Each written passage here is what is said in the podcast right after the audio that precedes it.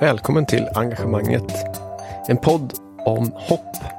I en värld av katastrofer, pandemier, krig, fattigdom och allt annat elände finns det trots allt massor av positiva krafter. Människor som vill göra gott för andra, för ett samhälle som håller ihop. Jag vill att de här samtalen ska ge er tillförsikt till framtiden. Att ni inte är själva i era värv och vilja att skapa en bättre värld för oss alla. Min vision är att det här ska vara något slags poddarnas hoppets hamn. Genom dessa berättelser kanske det till och med växer en gnista hos dig kring något du vill förändra och att du känner att det faktiskt är möjligt att ta saken i egna händer. I dagens avsnitt träffar du Niklas Johansson som genom ett stort mod och genuint engagemang har varit en drivande kraft för utvecklingen av området kring Norra Grängesbergsgatan i Malmö, eller NGBG som det numera kallas. Och i synnerhet har han varit avgörande för den nu hyllade gatufesten.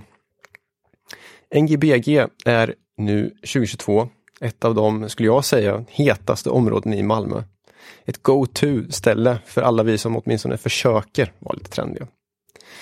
Den korta historien om området är att det under många år varit ett industriområde med en ständig doft av nybakade bullar från Pågens, som faktiskt än idag har produktion här. För de som var unga i Malmö under 90-talet och tidigt 2000-tal skulle jag nog tro att de förknippar området mest med svartklubbar. Idag har det återigen genomgått något av en metamorfos. Men där det fortfarande huserar biltvättar, grossister, kakbakare och ideella föreningar. Allt i en salig blandning. Och inte minst, nu har gatan alltså sin alldeles egna gatufest sedan 2016. I det här avsnittet försöker jag förstå mer om varför Norra Grängesberg har varit så viktigt för Niklas själv. Jag undrar hur han har lyckats, vilka nitar han har gått på, hur han har kommit vidare och mycket mer.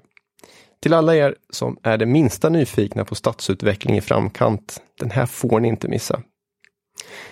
Om du gillar det du hör idag så skulle jag bli hemskt glad om du vill dela avsnittet till vänner och bekanta, kommentera, recensera eller varför inte prenumerera på podden. Så, nu till samtalet med Niklas. Håll till godo och hoppas att du ska gilla det.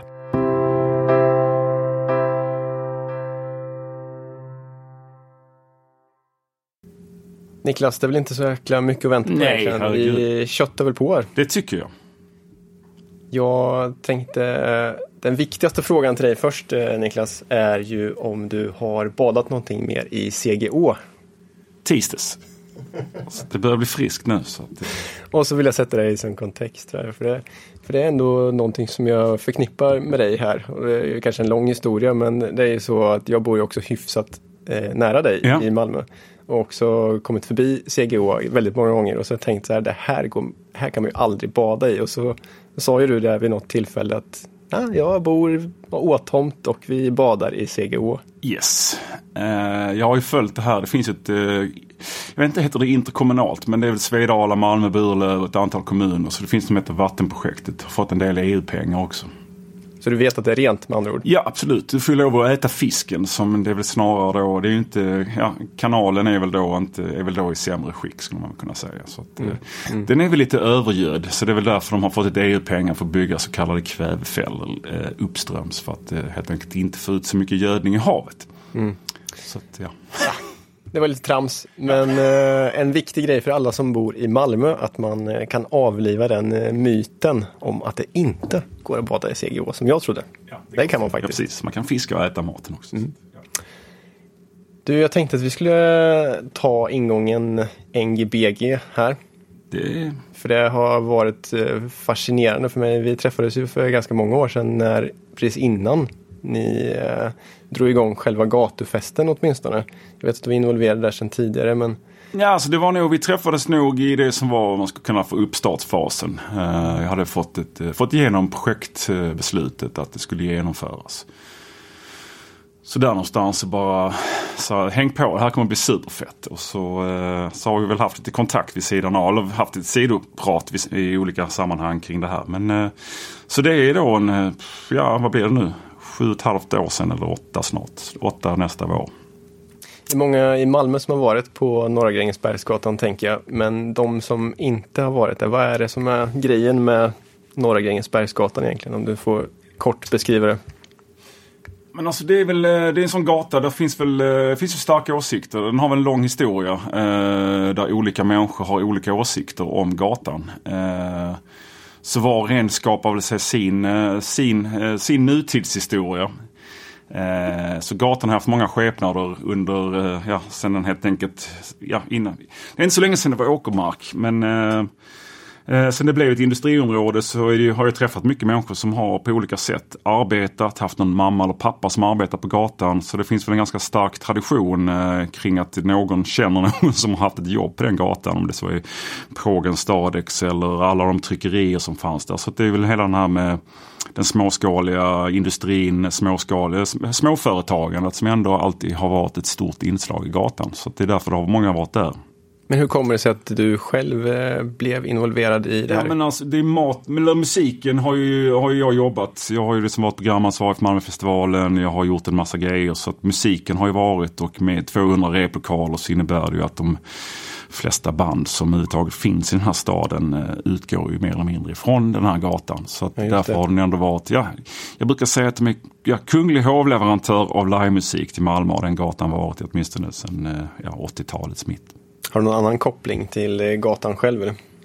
Ja, nej men jag har ju varit i replokaler och lyssnat på band och uh, jag har faktiskt aldrig själv, eh, uh, eftersom jag då är så, men uh, det var nog tidigare, men jag har nog faktiskt aldrig, aldrig repat där själv. Jag har varit på studieföreningen repat lite grann och det ligger naturligtvis inom området. Men uh, och jag har spelat in någon demo åt en kompis på Folkuniversitetet också då för 10-15 år sedan. Och, så absolut, i, i kanterna så har jag, men jag har liksom inte varit en sån som haft en replokal på gatan i tio år. Så det är inte det. Utan, men jag har ju kommit i kontakt med musikmiljön där ute. Jag har blivit mm. inbjuden. Ah, kom och lyssna på, vi, har, vi håller på att repa, kan du inte komma och lyssna på vårt band? Eh, eh, och det som sedermera blev Arre Arre som sedermera fick Peter Gull som sedermera la ner sin, eh, sitt band. Men eh, jag hörde väl en av deras väldigt tidiga replokalspelningar för, för många, många, många år sedan på gatan där. Mm.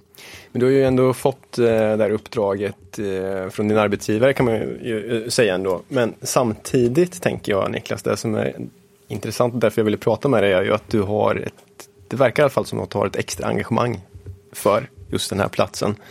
Ja, men det, är ju, det förändras ju. Det är självklart att eh, det, som var, som innan gjorde jag något som heter Öresundsfestival. Så drivkraften kom ju då genom att jag eh, Dels hade jag jobbat som en kulturproducent i många år eh, och i någon mening så kände jag att väldigt ofta så fick inte människor vara med. Mm. Eh, de passar liksom inte in. Och det där, ja men du vet, det låg i bakhuvudet. Så när jag var mycket över Köpenhamn och jobbade med den danska musikmiljön så förstod jag att Köpenhamn och Danmark hade kommit mycket längre i någon form av det man populärt kallar för DIY eller medskapande kultur.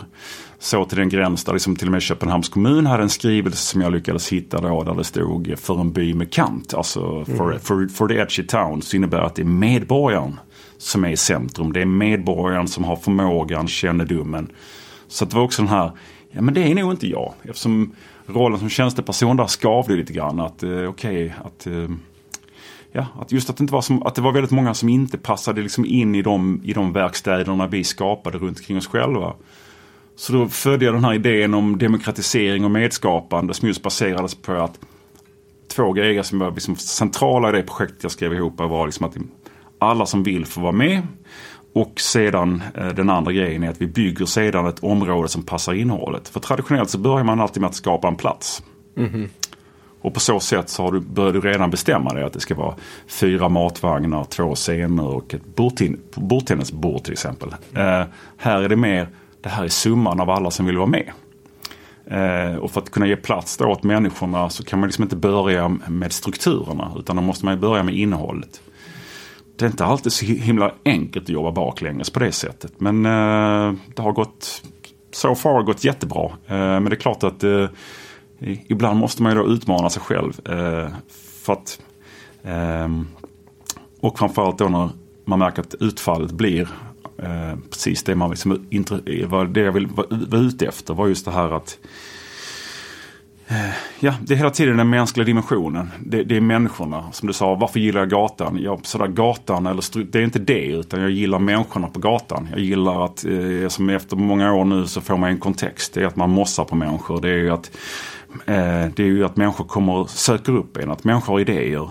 Kan vi göra det här? Blir inte det här bättre? Och, mm. och, och det är någonstans i det, i det um, det är där någonstans jag vill jobba. Det är liksom att facilitera människors visioner, drömmar och engagemang i någon mening i, i, i det stora och det lilla. Mm. För, det, för du är ju inte en traditionell projektledare. Eller jag vet inte, du har ju sagt själv till mig i alla fall att du kallar dig inte för projektledare. Du kallar dig ju för facilitator på ja, några gäng eh, Eller möjliggöra om man nu ska liksom, eh, men det är det här att ju, Väldigt tidigt så vill jag just det här om man tar bort vissa strukturer kring hur man bygger saker och ting. Då måste man lite grann göra sig fri ifrån eh, ja, ens egna önskan att styra och kontrollera. Alltså den, eh, så det är klart att projektledaren i mig någonstans har väl vaknat upp lite halvskrikande ett antal gånger de här åren. Dagen innan eh, ja, men vet, vad, vad är som sagt var, eh, vad är det jag håller på med? I vanliga fall så har jag liksom minut eh, på allt. Och i någon mening så uppfattar vi det som ett kontroll som jag har gjort ett schema där alla vet vad alla ska göra varje sekund under en dag. Mm. Men så blir det ändå någon sjuk.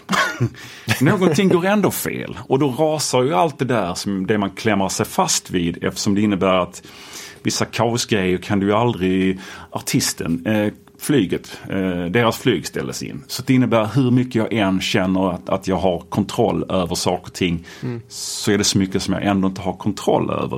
Mm. Så att när man väl kommer fram till att vissa av de här grejerna är ju ändå lite grann en liten illusion, en, en snuttisfilt som man gärna håller sig fast vid. Eh, så, eh, och bevisligen så så funkar det ju då hur bra som helst att dela ut det här ansvaret och att, eh, att människor på något vis dyker upp och gör saker och ting. Även om jag inte har ett minutprogram, minutschema exakt mm. på vem som gör vad i vilken sekund. Utan den här självorganiseringen löser sig själv på något sätt. Så, att, så man måste lite grann eh, luta sig tillbaka och eh, sådär eh, stoppa ner den här projektledaren i en liten låda så, eh, så och tänka ja, men det, det, löser sig. Det ser ut att vi har grejer på gång där ute. Även om det då inte är jättelång tid kvar så får man liksom försöka jobba runt den, eh, den sjukan som man kan ha som projektledare. Jag tror att många känner till NGBG just för gatufesten. Men eh, om jag tänker att det är något mer än gatufesten. Va? När, när man pratar med dig så förstår jag att NGBG är en, en, en process kanske snarare än, än, bara en gatufest. Ja, alltså grunden blev när jag drog igång det så var det ju det här för att någonstans, man kan egentligen säga från, från projektets sida så, blir, så, så är det ju ett dialogprojekt. Mm. Allting börjar med att, att, jag pratar, att någon, två personer, jag pratar med någon.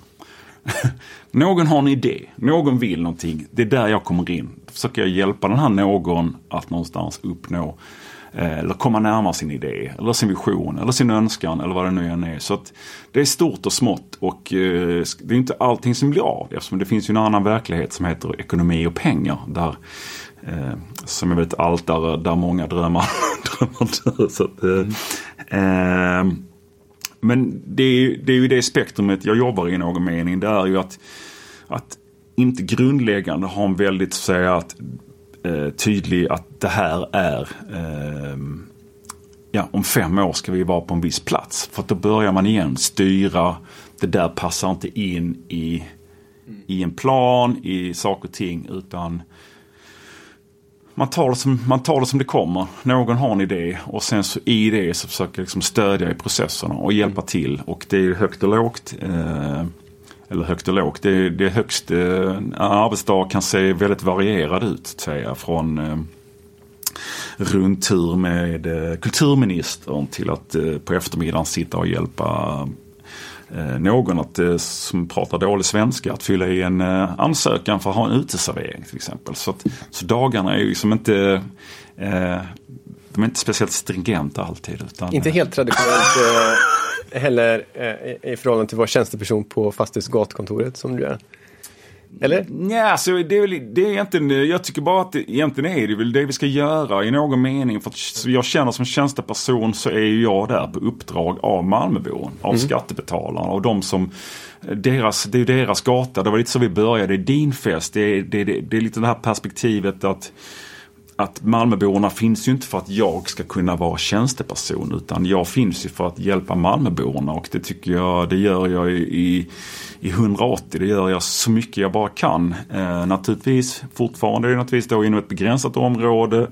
Med de begränsningar som finns så försöker jag naturligtvis göra så gott jag kan med, med, med varje arbetsdag, med varje möte med, med en människa. Att vi ska förstå varandra och att vi ska någonstans kanske då komma en bit på väg. Eh, som sagt var. Och som jag säger, jag pratar ofta om att låta saker och ting ta tid.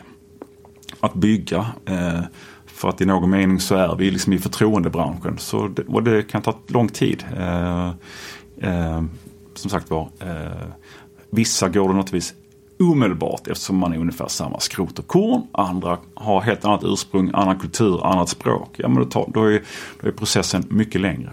Men det är rätt häftigt att få följa utvecklingen från sidan. När jag cyklar genom området där så kan jag se, eh, för tio år sedan så såg det inte ens likadant ut rent fysiskt. Mm. Och det var inte samma verksamheter som fanns där som finns idag heller.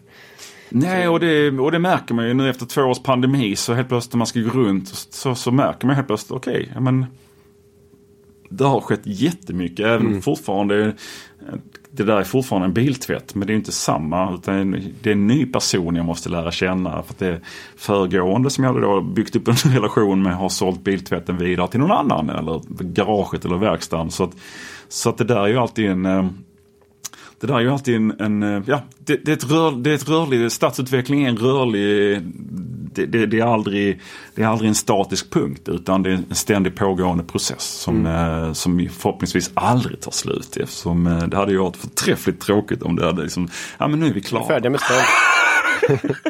stan är klar. Nu gör vi någonting annat. Så att, eh, så att det där är ju, ja nej men det, det, är, liksom, det, det är ju eh, Eh, och framförallt är det mycket, eh, ja, men mycket magisters, mycket, mycket, mycket akademia söker ju också gatan. För att de tycker mm. också att det finns någonting som är väldigt intressant. Eh, har blivit inbjuden till Toronto för att prata då angående nightlife. Eh, Malmö, eller universitetet bjuder in mig till 15 minuter staden.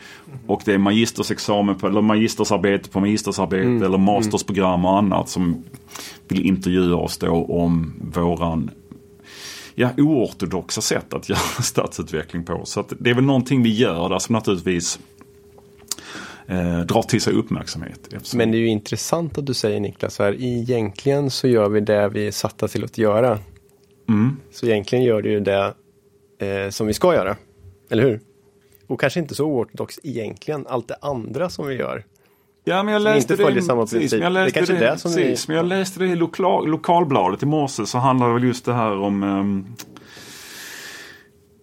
Ja men bedömnings, bedömningssamhället, mätbarhetssamhället. Där någonstans uh, och då kopplat till det så finns det naturligtvis också en ganska inneboende rädsla att göra fel. Utan man vill Exakt. bli accepterad av läraren, av chefen och liknande. Och, eh, och ganska hårda styrnings, alltså projektstyrningsmekanismer då. Mm. Så att eh, så att, att egentligen vissa delar i projektet det var egentligen eh, det var sådana professor Baltasar ögonblick. Men nu vet jag om, om det är några yngre lyssnare så är det en sån gammal tecknad film där man får en idé och så går man fram till någon sån här eh, färgglad maskin sådär. Men eh, så att det tog ganska lång tid innan jag fick eh, för den här själva idén. Så att jag fastnade ju då i, i, i de här eh, beslutsgrindarna i, i, ett, i ett projektstyrningsverktyg. Får jag bara avbryta dig lite grann där eh, Niklas. Själva idén, vad är det som är själva idén då? Är det gatufesten eller är det själva ut, stadsutvecklingen på Norra Grängesberg? Ja, det var lite det här professor Baltasar ögonblick jag skulle komma till. Eh, för det innebär ju i början så tittar man ju naturligtvis på själva det jag ska göra. Men i att Eftersom jag skulle låta medborgarna göra det så fastnade jag på grund av att jag flyttar liksom bara budgetposten över och så tillbaka. Men, men hur är det mätbara? Om vi nu ska ge dig en peng, hur ska du komma tillbaka och säga att titta vad jag har gjort för de här eh, skattepengarna? Hmm. Så tillbaka till ritbordet igen och så fick jag den här. Ja men det här är ett dialogprojekt. Det här sker ju i, sam, sam, eh, i, sam, i samspråk med, med aktörerna på gatan. Och om jag då inte får till en god dialog och kan bygga ett förtroende om att, att det, vi, det jag är där för att göra är eh, till förmån för de eh, för, för så många som möjligt. Eller i, eh, så kommer inte de vilja samverka. Då, då blir det, alltså, så då, då gjorde jag själva gatufesten egentligen bara ett effektmål av, av dialogprocessen. Mm -hmm. Så dialogprocessen är ju, det är väl egentligen faciliterandet, säger jag. Mm. Eh, eh, ja, därför ett antal år sedan då naturligtvis i, i början så var det naturligtvis eh, lade, lades mycket tid på att liksom, eh, hjälpa och stödja Plan B i sin transaktion från det de var till det de är idag. Eh, Plan B som är rockklubb. Rockklubb. Mm. Eh, som var ju en rockklubb då också. Men som då inte kanske riktigt gjorde saker och ting på, på rätt sätt enligt alla de myndighetskrav. För att det är fortfarande, det, det var ett industriområde då. Mm. Så att det här med liksom bygglov, brand, alltså allt det där som är naturligtvis, som är ju som naturligtvis är jätteviktigt men som naturligtvis är ju en stor kostnadsbarriär för, för eh, kulturaktörer. För att det kostar då en och en halv miljon att liksom tillmötesgå alla myndighetskrav och för, för ett gäng entusiaster som vill spela lite musik så är det ju liksom ett oöverstigligt hinder. Mm. Och, eh, eh, men vissa har ju då en särskild kapacitet och lyckas på något sätt att ta sig above and beyond så att säga. Och det gjorde ju plan B liksom. Eh, eh, och i den, ja, så att, och det innebar att då fick vi liksom den här första helt och hållet bygglov plats, lokalen var godkänt. Allt var, vi hade då den första så att säga lagliga samlingslokalen på en gata som haft samlingslokaler i 30-40 år. Mm. Kanske då inte på rätt sida om, eh, om lagen. Lagen, ja precis. Men eh, så det var ju liksom en sån, okej. Okay, Eh, det, det checkade en box. Mm. Eh, och sen har liksom det rullat vidare med liksom hypnos som är då en biograf och vidare facilitera människor att liksom komma in, göra saker och ting, söka alla tillstånd, gör allting på rätt sätt. Prata med X, prata med Y, prata med Z. Mm. Alltså, här är telefonnummer, här är en mailadress. Eh, det här är en bra person, väldigt hjälpsam och du vet så här. Så, så på, den, eh, på den och på det sättet har vi fortsatt jobba och sen så började efter då när både då Plan B och viss mån NGBG liksom uppstod som förening. För att den fanns ju inte heller som en förening utan det var ett av de målen jag hade. Det var att för, samla civilsamhället i en förening efter de första tre åren. Eh, så då satte stadgarna till en förening så att det finns då där själva civilsamhället är organiserade i. Eh, sen började jag liksom att sådär, mer eh, fokusera och prata med industrin.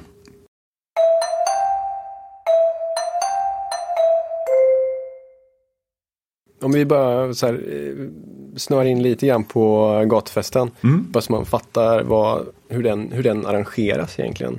Jag måste säga det, det, ni slog väl rekord nu. Det var ju Slår rekord på, varje år. På, uppehåll på två år på grund av ja. pandemin. Mm. Men eh, i år läste jag att det var 1500 deltagare alltså, som bidrog med innehåll. Mm. Eh, och eh, 30 000 besökare och det här är på en, en dag. 12 timmar. Mm. Mm. Så blir det rekord igen nästa år då eller? Eh, ja, om man nu ska säga, om man nu jobbar som analytiker så skulle man väl säga, eftersom, eh, men samtidigt så är inte, det är inte, ja, igen, volymmässiga, eh, det är liksom, det är klart att det är bra som ett mätbart mål, men det är inget egenmål i sig själv så att Nej. säga. Eh, kort och gott, ja, det finns plats till gatan till lite fler människor än. Men inte så mycket mer kanske? Eh, men någonstans kommer man till en punkt där helt enkelt komfort och annat eh, minskar helt enkelt. Men det är igen det här. Men vi började väl med 5000 första året och nu eh, ett antal senare och framförallt så har det växt starkt. De första tre åren så var det en ganska låg tillväxt. För att det var ju mycket det vi försöker prata om, word to mouth.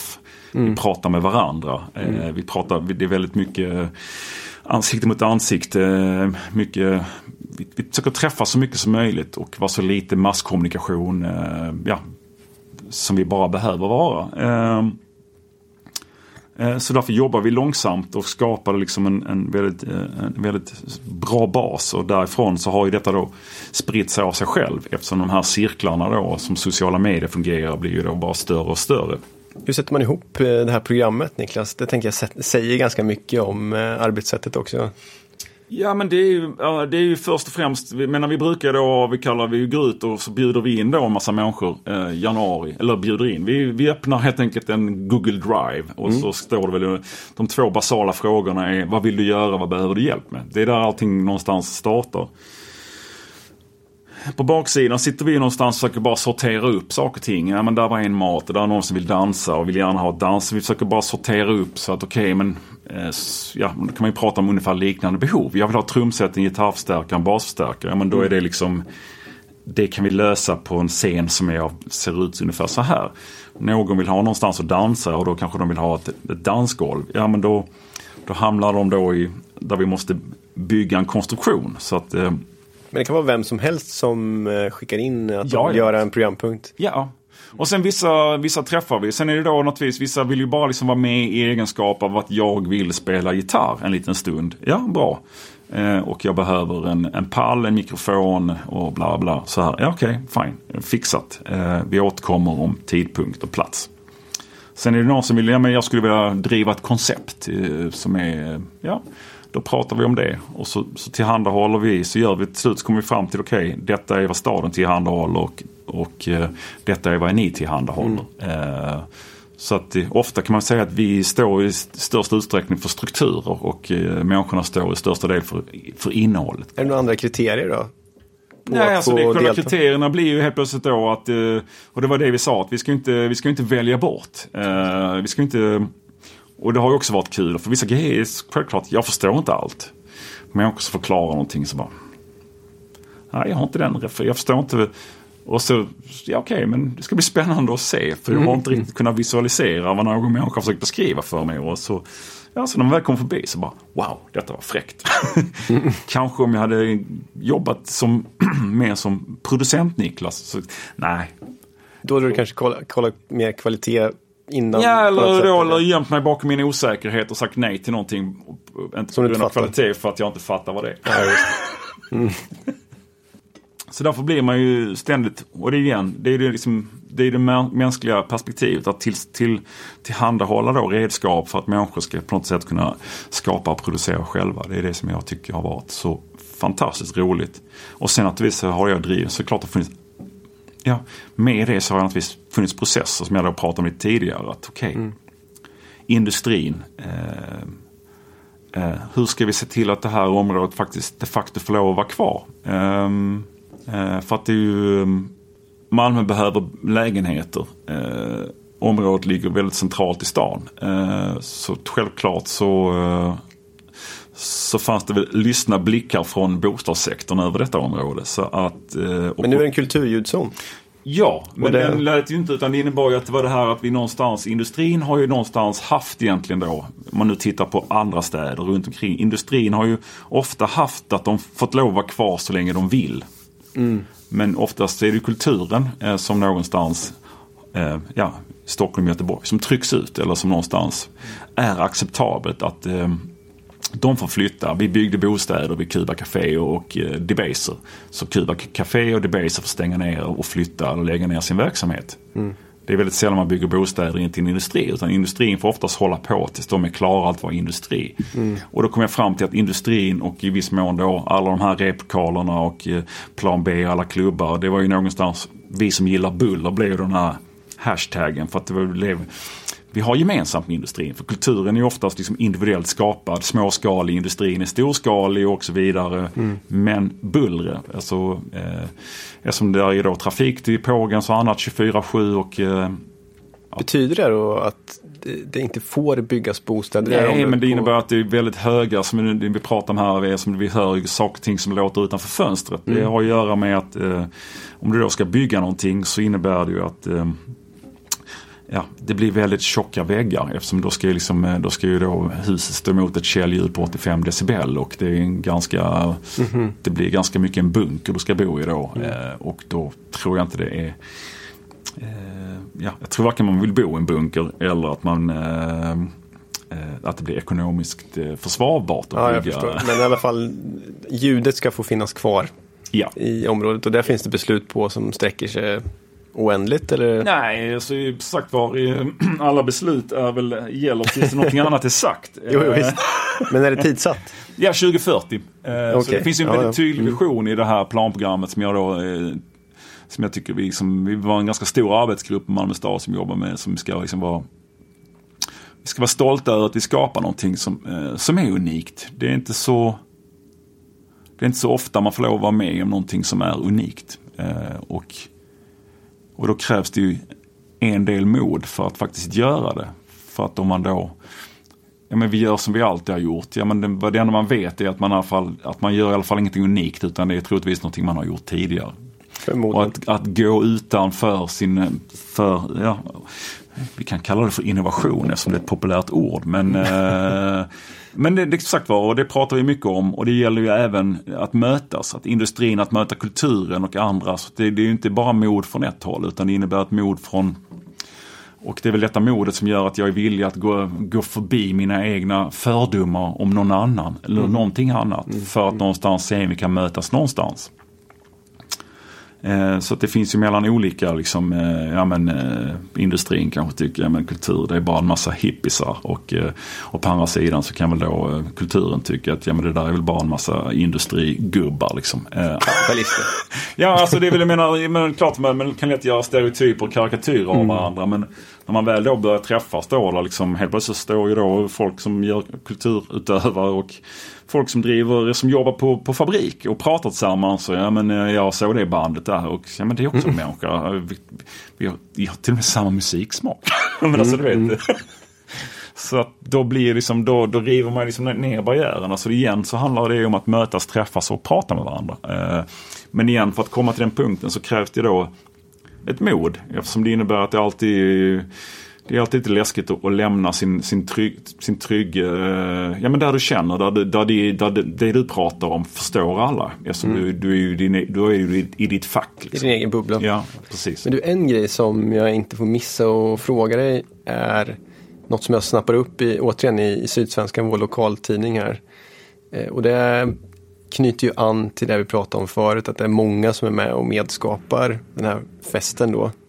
Och det var ju att det inte skedde några våldsdåd eller sexuella trakasserier på festivalen. Och det vet jag inte om det någonsin har gjorts. Men det, i, i år gjorde det ju inte det i alla fall. Och, Nej men det är sagt och det är väl de, eh, om vi nu pratar om siffror och statistik eller mä, det mätbara så är det väl självklart att de nollorna där är väl de som jag är absolut mest glad över. Om man nu vad står det för, tänker du? Hur, hur kommer det sig att det har blivit eh, så pass bra? Jag tror väl att det ligger liksom någonstans inbakat i själva den här metoden. Eftersom väldigt många projekt eller många grejer blir ju traditionellt. Att om jag då helt plötsligt, om jag, ja, eh, i min gamla roll som kanske mer kulturproducent där jag valde ut och eh, kommunicerade och marknadsförde och skapade så blev jag ju i egenskap då av eh, kulturproducent som någonstans levererar någonting. Det innebar ju att då blev du kanske då kulturkonsument då i det förhållandet. Eh, Men genom att man tar bort de här barriärerna lite grann så innebär det på något sätt att avstånden blir ju betydligt kortare. Man kanske inte, ja, konsument ser, ser lite som som som en passiv agent medans Eh, väldigt mycket på Norra Grängesbergsgatan är de små. Eh, det är baserat på relationer. Det är, det är låga scener. Eh, någon spelar, deras kompisar står och lyssnar på dem. Eh, och sen emellanåt så byter de ju dessutom plats. Så att, eh, okej, ja men ja, nu är det vår tur att spela. Eftersom vi har väldigt mycket band som spelar. Så, att, så det är väl den grejen att, som jag att säga som en stor hemma husfest eller att det finns någonstans Ä- Även om det är ett tunt nät så innebär det att eh, det byggs den här typen av, eh, att det är baserat på, på, på relationer. Eh, och eh, att någon känner någon som kan presentera för varandra. Så, att, så att det är väl den, det är någonstans i det där tror jag som gör ju att det är så god stämning. Så till och med liksom polisen tycker att ja, vi måste träffas och prata om det här. För det här är ju helt fantastiskt. Alltså, så att, eh, det är så god stämning. Alla är så glada. Eh, ja. Varsågoda. Eh, ja. eh, som sagt var, så att det är väl liksom Det är av, av, av och med liksom. Så att det är en väldigt mänsklig dimension. Min tolkning av det är ju att det är många som äger det. Mm, precis. Nästan ja. alla som är där äger det och vär, värnar om, eh, Mm. om området kan man säga. Ja. Det som jag tror skapar den här är just den liksom att eh, ja, det är tröskelfritt, staket, ganska staketfritt. Man måste naturligtvis hänga in eh, alkoholen. Men, mm. Så det är ganska fritt från den här typen traditionella barriärer eh, som, som ändå byggs. Liksom. Eh.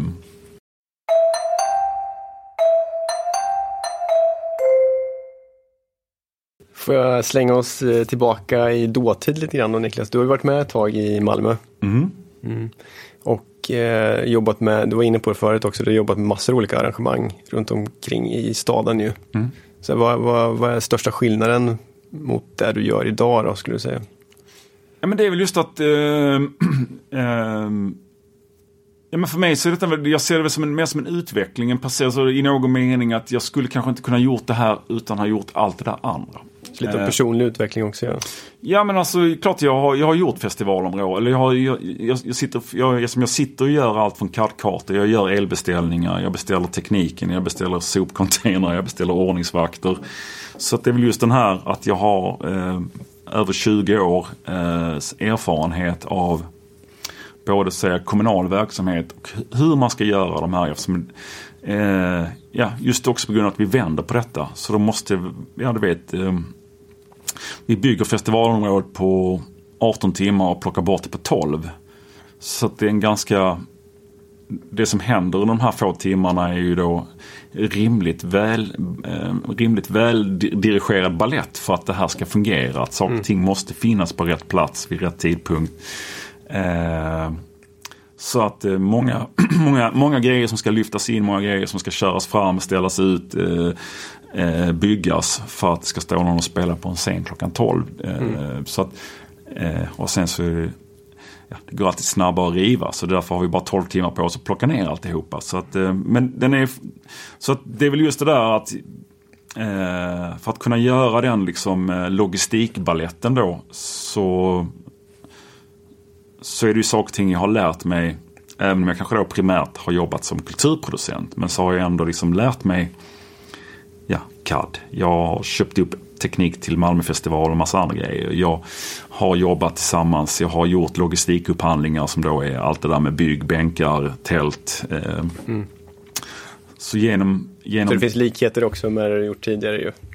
Ja, absolut. Jag menar, jag menar alltså de, ingående, de ingående bitarna är ju liksom, det är ju någon mening samma. Mm. Eh, det enda är ju då att det är en, en extrem pop-up festival där vi ska, bygger ju Ja, det är en miljon prylar som ska ut på väldigt kort tid. Det är en mm. väldigt lång Excel-lista som, av saker och ting som ska vara på rätt plats vid rätt tidpunkt. Och varje elpunkt ska vara på rätt plats. Du kan koppla in matcykeln, matvagnen, scenen, eh, det är en logist, logistisk utmaning får man väl säga att, mm. att göra den här festivalen. Eh, men, men det är ju det här att vi har ju valt att göra 12 timmar en dag mest för att Igen, vi skulle naturligtvis kunna dra ut den lite grann. Men då innebär det ju att då finns ju risken att man då, eftersom gatan är så delad som den är, eh, mellan bilens behov av de verksamheter som då eh, är helt och hållet bilorienterade och all den annan kulturverksamhet som finns då runt omkring det som man kanske ser dagligdags. Eller om du bara kör rakt genom gatan. Eh, så att det är igen det här att försöka undvika eh, att man hamnar liksom i de här eh, djupa konflikterna. Så att så garageägarna i stor utsträckning, ja men fine, vi är lediga, eller så, vi tar den här dagen off liksom. Eh, så att eh, Självklart så var det något år där de liksom samlade sig här lite protest eftersom då stängde gatan klockan 12. Eh, för jag tyckte det var ju jätteskönt med 24 timmars eh, byggtid. Såklart. Eh, och då träffade jag alla garagen då någon sen eftermiddag där och så sa jag okej. Okay. Jag förstår att många vill ha en fin bil, många tvättar och gör ordning sin bil på fredag eftermiddag. Så att jag lyssnar på er. Vi stänger gatan klockan sex. Och de blev så här, va? Gör du det för oss? Mm. Ja men jag sa han lyssnar ju. Alltså, du vet. men jag kan inte göra det nu. Utan nu är allting bokat så att saker och ting kommer. Men nästa år, så året därpå stängde vi gatan klockan 18. Självklart tänkte jag. Uh, att jag var lite medveten att jag band ris för egen rygg i någon mening. Men efter det så har vi inte haft utan uh, då, det var ju ett sätt att lösa en konflikt. Att uh, inte låsa fast sig i i konflikter utan att hitta pragmatiska lösningar på problem. Det är hela tiden det som är, gör att man liksom Ja, att du ständigt har en fart framåt. För konflikter är ju tidsödande. Oftast är det ju, landar det ibland som en, en show-off. Alltså du vet, eh, ja, det går mycket energi men ingen kommer någonstans. Utan det är bara opposite, eller krafter från två håll som släcker ut Friktion gör också värme.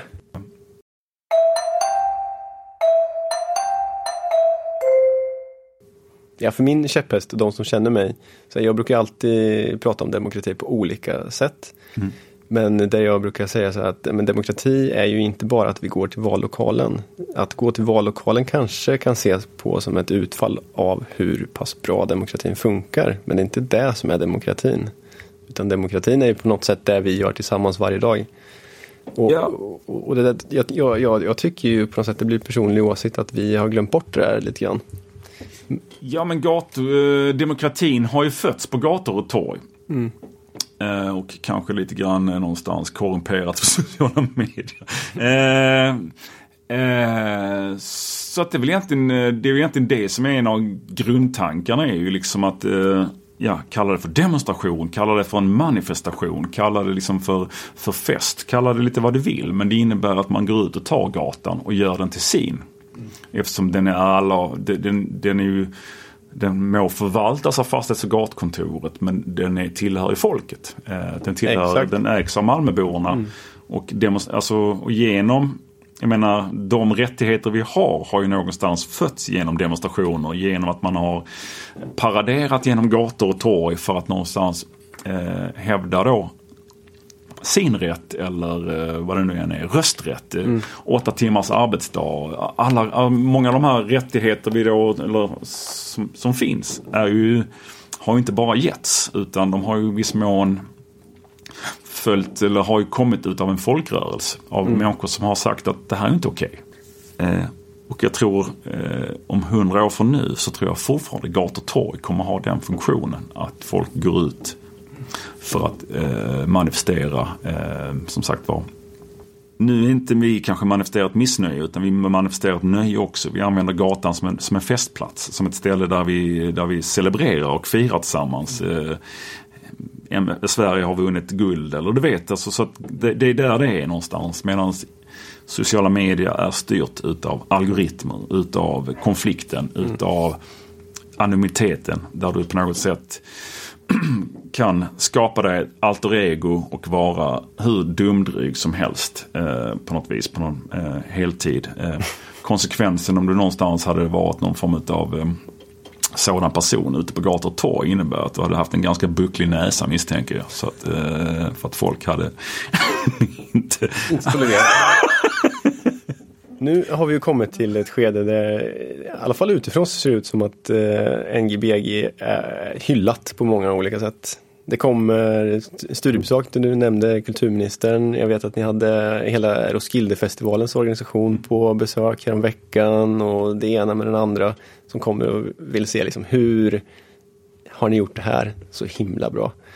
Men om jag får vända på den frågan också eh, så tänker jag att det, det har funnits en del motgångar längs vägen.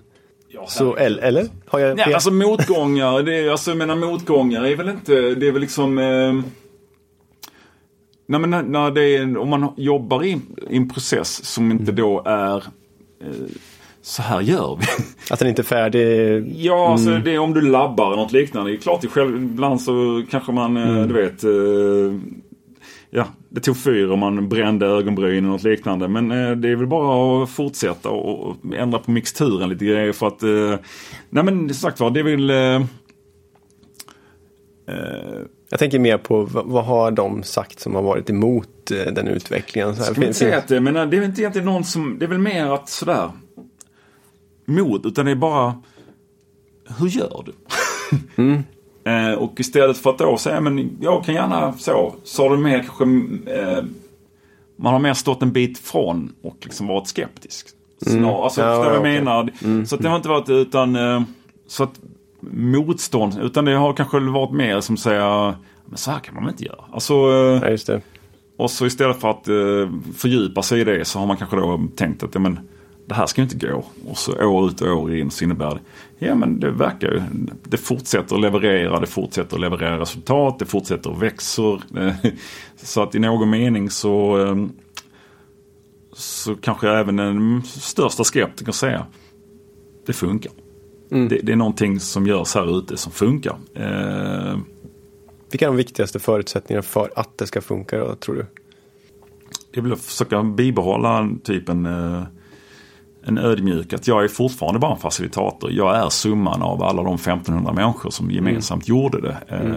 Det är mycket möjligt att jag någonstans är en switchboard för väldigt mycket. Så att, eh, ja, mm. att alltid vi kommer överens om att det faktiskt finns då en, en, en scen som vi pratade om i i Mars. Mm. Att, den faktiskt, att, den, att den eh, materialiserar sig, att den finns. Eh, vilket som är då min del av, av en överenskommelse.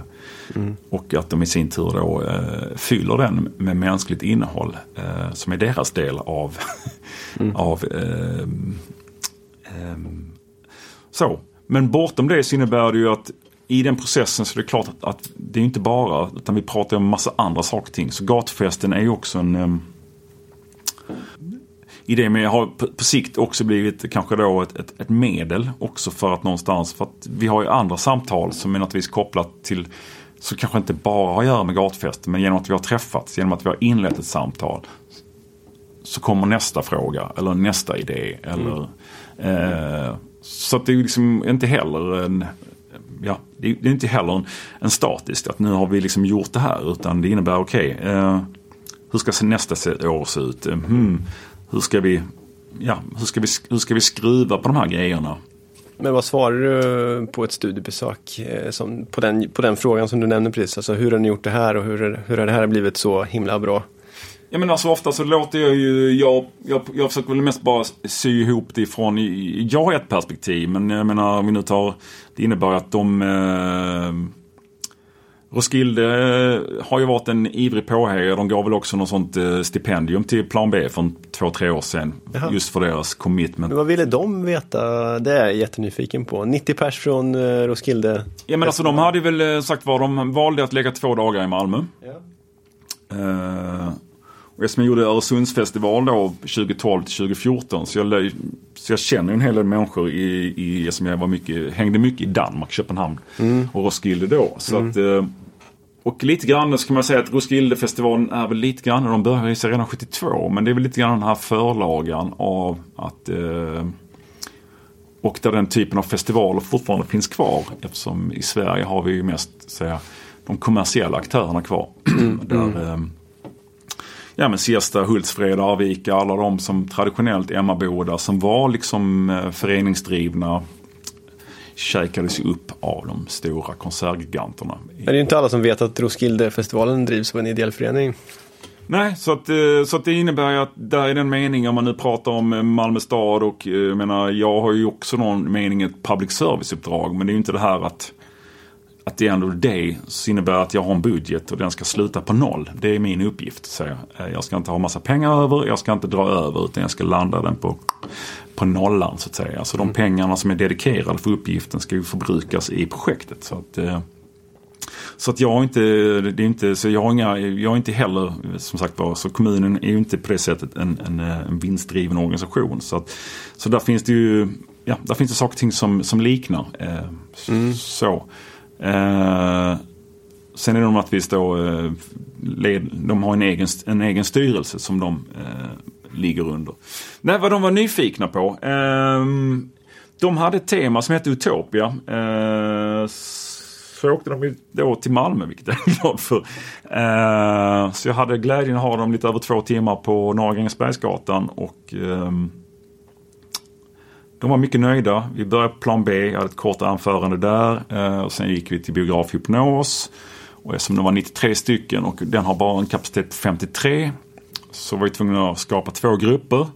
Så då tog jag den andra halvan till Frasses fulflyttar. För att jag tycker också det är en intressant grej. För att det innebär att alla är ju inte bara en sak. Va? Frassarna är ett socialt företag. Vilket mm. jag är mycket fascinerad och spänd alltså överhuvudtaget över den typen att driva saker och ting på. Eh, de är ett litet bryggeri Jaha. och de gör en liten festival som heter Woodstock i Boda. Så att de är ju och sen delar de lokal med, med, med någon som säljer kaffe. Så att mycket av det här innebär ju att det är väldigt få som bara är en sak. Mm. Eh, så hade, fick ju då Paul Kraus och Owen Kraus berätta om eh, hur de driver eh, den typen av biograf som de gör på eh, Norra Gränges. Föreningsdriven. Eh, och så fick ju frassarna berätta om, om sin verksamhet och hur de tänker. och eh, ja, Hur de skapar sig en lokal och säger nej men vi behöver inte den här ytan så då hyr vi ut den till eh, till Bastionen som recyclar gamla alltså, eh, scenografi från så att eh, det som används på en teater hamnar ju då på Norra Gränges, byggs om och förhoppningsvis kan användas istället, igen istället för att bara kastas i en container och köras till spillepengar. Men fint ändå. Det måste Ja. varit ett stort ögonblick Ja, ja. ändå för dig. Som- Ja, ja men herregud, alltså det är ju sagt var, och jag fick ett jättefint tack av dem. Eh, De, de, ja, när de, när de blir inspirerade. Så, eftersom de har inspirerat mig. Så att det är väl egentligen en sån Ja, stafettpinne. Jag åker dit och snor idéer från dem och de, förhoppningsvis så kommer de till Norra Gränges och snor med sig idéer tillbaka. Eh, för att mycket av idéerna är lite sådär stulna från Danmark från början. Eh, Precis. Vad är nästa idé då? Vad har du för nästa steg till, eh, till eh, Norra Grängesberg? Ja, men det är som sagt var, det är, ju, det är väl egentligen att fortsätta framåt och, och försöka få med så mycket av det här som möjligt. För att jag menar att det blir ett sådär projekt, de här stuprören som vi ofta jobbar i. Det innebär att man inte ser du har, ingen, du har inget vidseende utan ja, men jag gör min grej. Eh, Jag ska bara göra det här. Och det finns ju gator i Malmö som har grävts upp hur många gånger som helst för att man har glömt att stoppa ner då. Utan det innebär att jag vill ha med ner min kabel och sen så lägger vi på asfalt och sen kommer nästa då ett tag senare och ska ha ner någonting annat. Så Är det sant på riktigt här eller? Ja, ja. Eh, och, det, är- eh, och hur lär vi oss av det? Eh, så därför så är väl det här vi, som jag jobbar nu framledes med, det är väl liksom en testzon. Så just nu så har vi en massa, en massa träd i krukor. Som vi placerar eh, längs med gatan. Tills vi, så kanske vi flyttar dem lite men sådär. Tills det blir riktigt bra. Nu känner vi att ingen klagar, står inte i vägen för någon, det skymmer ingen och på sikt så kan det då bli okej. Men när gatan då så småningom ska göras om. Då har vi redan liksom labbat fram var träden kan, bör stå. Utan att någonstans stå i vägen för någon annan. Eh, och skulle man då ställa en kruka fel så kan vi med en gaffeltruck flytta den till en ny plats. Och så får vi tummen upp ifrån verksamheterna. Och, så att det är väl liksom den, det är lite den här prövande hållningen. Att liksom labba i gatum, labba i, i storformat. Att försöka få med, som, som jag då har pratat med eh, med eh, miljöförvaltningen eh, omkring hållbarhetsfrågor, eh, kring energianvändning. Även möte då med arbetsmarknads och social, ja men en stor nämnd. Eh, hur kan vi någonstans få in mer människor i, i sysselsättning i Eh, där redan idag NGBG har liksom, eh, en hel del människor som arbetstränar. Så det är allt från människor som står ganska långt från arbetsmarknaden. Men hur kan vi liksom jobba med det här? Och försöka, ja, igen så handlar det om att slussa in människor istället för att stänga ute. Så att det är väl egentligen det här högt i tak och låga trösklar är väl någon med. Hur kan vi hjälpa människor att få komma in, hamna i ett sammanhang som inspirerar. Som får människor att växa i någonting. Att känna, sig, känna mening, delaktighet. Att, eh, Eh, och inte kanske då isoleras eller eh, och hamna liksom i ja, negativa spiraler. Att jag är ingenting värd, jag, jag sitter bara här hemma och träffar ingen. Och, ja. så, att, eh, så att det är väl egentligen att det finns ju fler organisationer i Malmö stad som någonstans som vi eh, som jag känner att jag nu försöker då eh, se om vi kan Lägga pusslet. Ja, som jag menar, det är ju det här att vi i varje, i varje sektor så har vi liksom vårt uppdrag. Jag måste klistra det till fastighets och gatkontorets mål. Eh, där inte, utan det är en annan förvaltningsmål. Okej, men då kanske vi någonstans och det innebär det ju, ja, hur kan vi göra det här där det sitter ihop, där vi fortfarande betraktar då, kan vi vara flera som faciliterar en människas utveckling? Eh, Ja, så det är väl egentligen det. Att nej men här slutar mitt uppdrag. Eh, eller förstår jag menar? eller Eh, vart slutar det? kanske man ska fråga sig. Va? Man kanske ska fråga sig vart det slutar egentligen. ens eget uppdrag. Ja men det är ju utifrån jag menar, det som är fastighets och gatkontoret. Så jag menar, där finns det naturligtvis. Men eftersom jag har ett dialogprojekt så är väl rollen ganska fri. Eftersom i någon mening så, så kan, har jag liksom hela tiden, jag kan prata i princip med vem jag vill. Eller förstår vad jag menar. Eh, men sen innebär det för att sen kunna då, ja, att få processer att, att följa då eh, de här så behöver ibland, för att det innebär att där blir ju liksom fastighets och gatukontoret lite för snävt i, sin, i, i den rollen de har. Tillsammans med miljöförvaltningen, kulturförvaltningen, ja, fritidsförvaltningen. Eh, sådär. Så att hur man då kan någonstans liksom navigera på bredden i, i, i Malmö stadorganisationen, alltså på, eller på tvärs eller vad man nu vill kalla det för. Att man, man kan följa processer. Så att eh, det är väl sagt var. Eh, jag stöttar dig i det. Jag vet allt om det här också. Ja. Men om vi ska hitta ett eh, rimligt avslut här så tänker jag i alla fall om det är någon som lyssnar som eh, vill engagera sig i Norra Grängesberg på något sätt. Som inte jobbar i kommunen då. Som kanske eh, bara vill delta på något sätt och, och, eller komma i kontakt med dig eller någon annan där. Du nämnde ja. föreningen förut. Alltså, hur gör man för att engagera sig i Norra Grängesberg om man tycker det här, det här låter spännande? Mm. Ja, alltså spontanbesök så är väl Annelundsgården väl öppen måndag till torsdag mellan 14 och 18 dagligen. Eh, mm. för då är, och där träffar man ju föreningen. Eh, vi har en hemsida, ngbg.se. Jag tror längst ner så står mitt telefonnummer. Eh, som sagt var. Annars kan man bara ringa till Tom så förmedlar Ja, alla ringer till mig. eh, nej men sagt var. Eh, Facebook. Eh, än så länge så har väl alla, eller de, ja, folk har en, hittar mig så att eh, antingen kommer de in via LinkedIn eller via Facebook Messenger eller via Malmö stad-mailen eller via min telefon. Så att, eh, När öppnar nya Drive-dokumentet för eh, 2023? Eh, vi ska öppna det i någon, blir väl i mitten på januari. Så då får man hålla utkik då ska man hålla utkik. Och, eh, om man vill vara med och, och skapa kultur på något sätt till gatufesten 2023. Ja, absolut, men vi tittar ju nu också på att göra fler, fler, fler händelser, fler nedslag ja.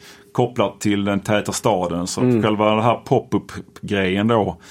Eh, så att vi vill försöka utforska just det här om eh, flera användningar av, av en plats. Mm. Eh, vi gör det i någon monstruös sammanhang på gatufesten. Men vi pratar även om att göra det i mindre sammanhang. Att öppna upp en biltvätt en kväll för ett special eller en parkeringsplats. Och det är kopplat till liksom den tätare staden och att eh, undersöka om en yta kan eh, ha flera funktioner. Mm. Niklas, stort tack för att du tog dig tid att komma hit och snacka med mig lite om det här. Vi, eh, våra vägar korsas ju eh, framöver också. Och Absolut. Eh, vi hoppas att utvecklingen fortsätter lika fint på NGBG. Jag med. Ja, tack.